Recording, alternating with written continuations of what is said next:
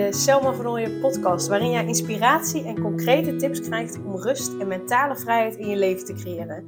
Mijn naam is Selma van Ooyen en ik help ambitieuze moeders die zich opgejaagd voelen en verlangen naar overzicht en rust. Ik help hen overzicht en rust te creëren, zodat hun kinderen zo lang mogelijk kind kunnen zijn, omdat er thuis veel meer rust is. Heel veel luisterplezier!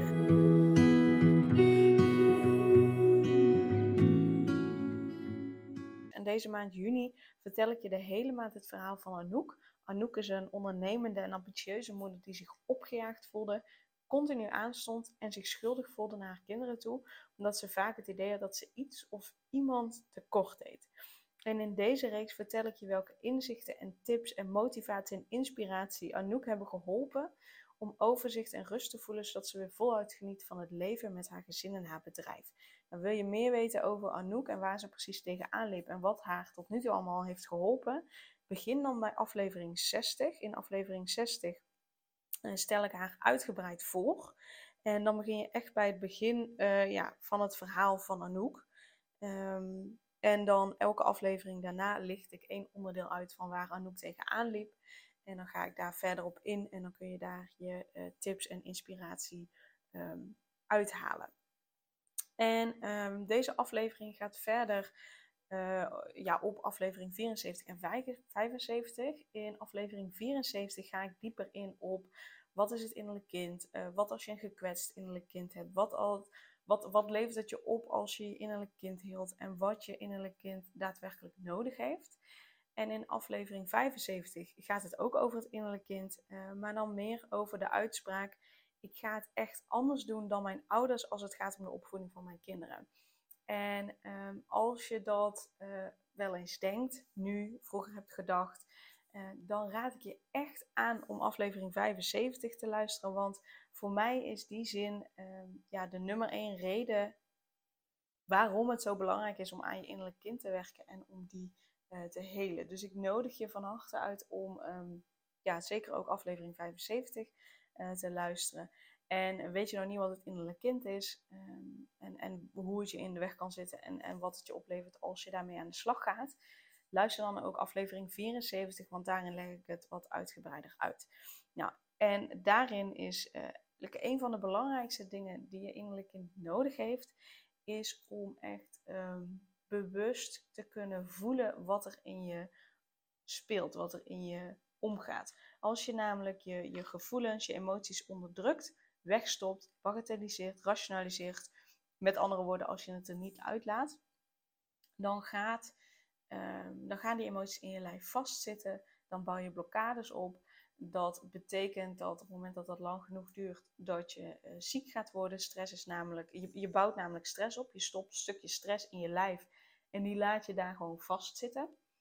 Um, en uh, die hoopje stress zorgen er dus voor dat je uiteindelijk ziek wordt. Nou, stress is echt de nummer één reden waarom er zoveel mensen ziek zijn.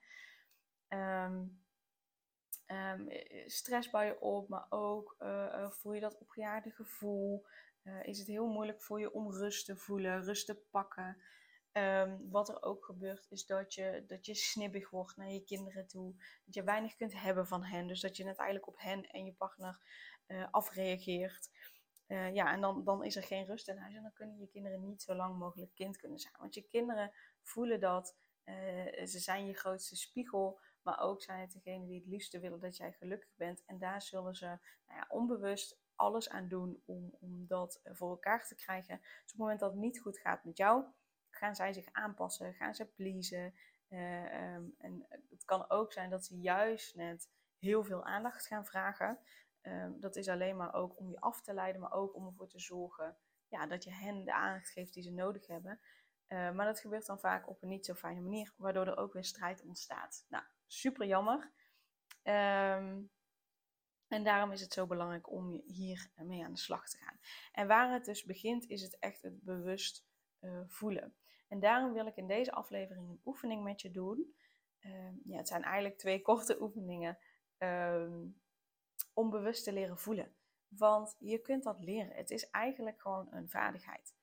En in de basis is het gewoon, nou, zorg dat je het voelen niet onderdrukt. Punt. Um, maar ik weet ook dat het voor heel veel mensen niet zo makkelijk is als dat ik het nu zeg. Ga even zitten voelen. Dus wat je mag doen, en dat mag je nu gewoon meteen doen, is uh, gaan zitten, bij de voet op de grond zetten.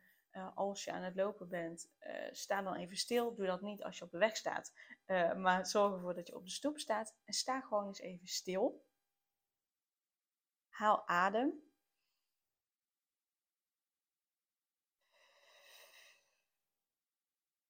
En richt je aandacht eens op je lijf. Hoe voelt je lijf? Zijn er bepaalde plekken die om aandacht vragen, die misschien tintelingen hebben of uh, zich wat, dat je daar wat pijn voelt of, uh, of een andere sensatie? Zijn er plekken in je lijf die om aandacht vragen?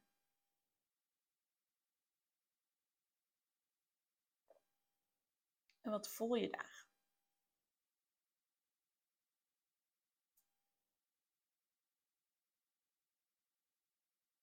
En als je nu eens aan een um, situatie denkt die je pijn deed of waarin je je niet fijn voelde, denk daar eens aan terug. De laatste die je kunt herinneren, een situatie die niet fijn was, waar je je niet fijn voelde en die je pijn deed. Als je daar dan aan denkt, hoe reageert je ademhaling? Stokt je adem? Uh, wordt die zwaarder misschien? Gaat die juist net uh, omhoog naar je borstkas of juist net naar beneden? Hoe reageert je ademhaling?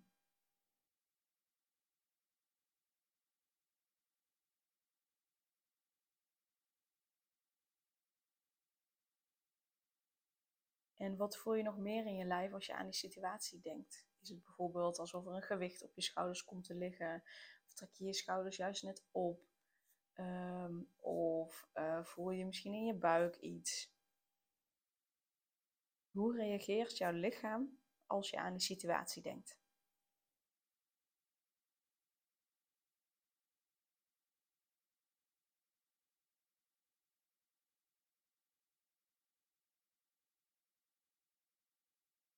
En wat is je eerste reactie? Wat zou je het liefste doen als je aan deze situatie denkt?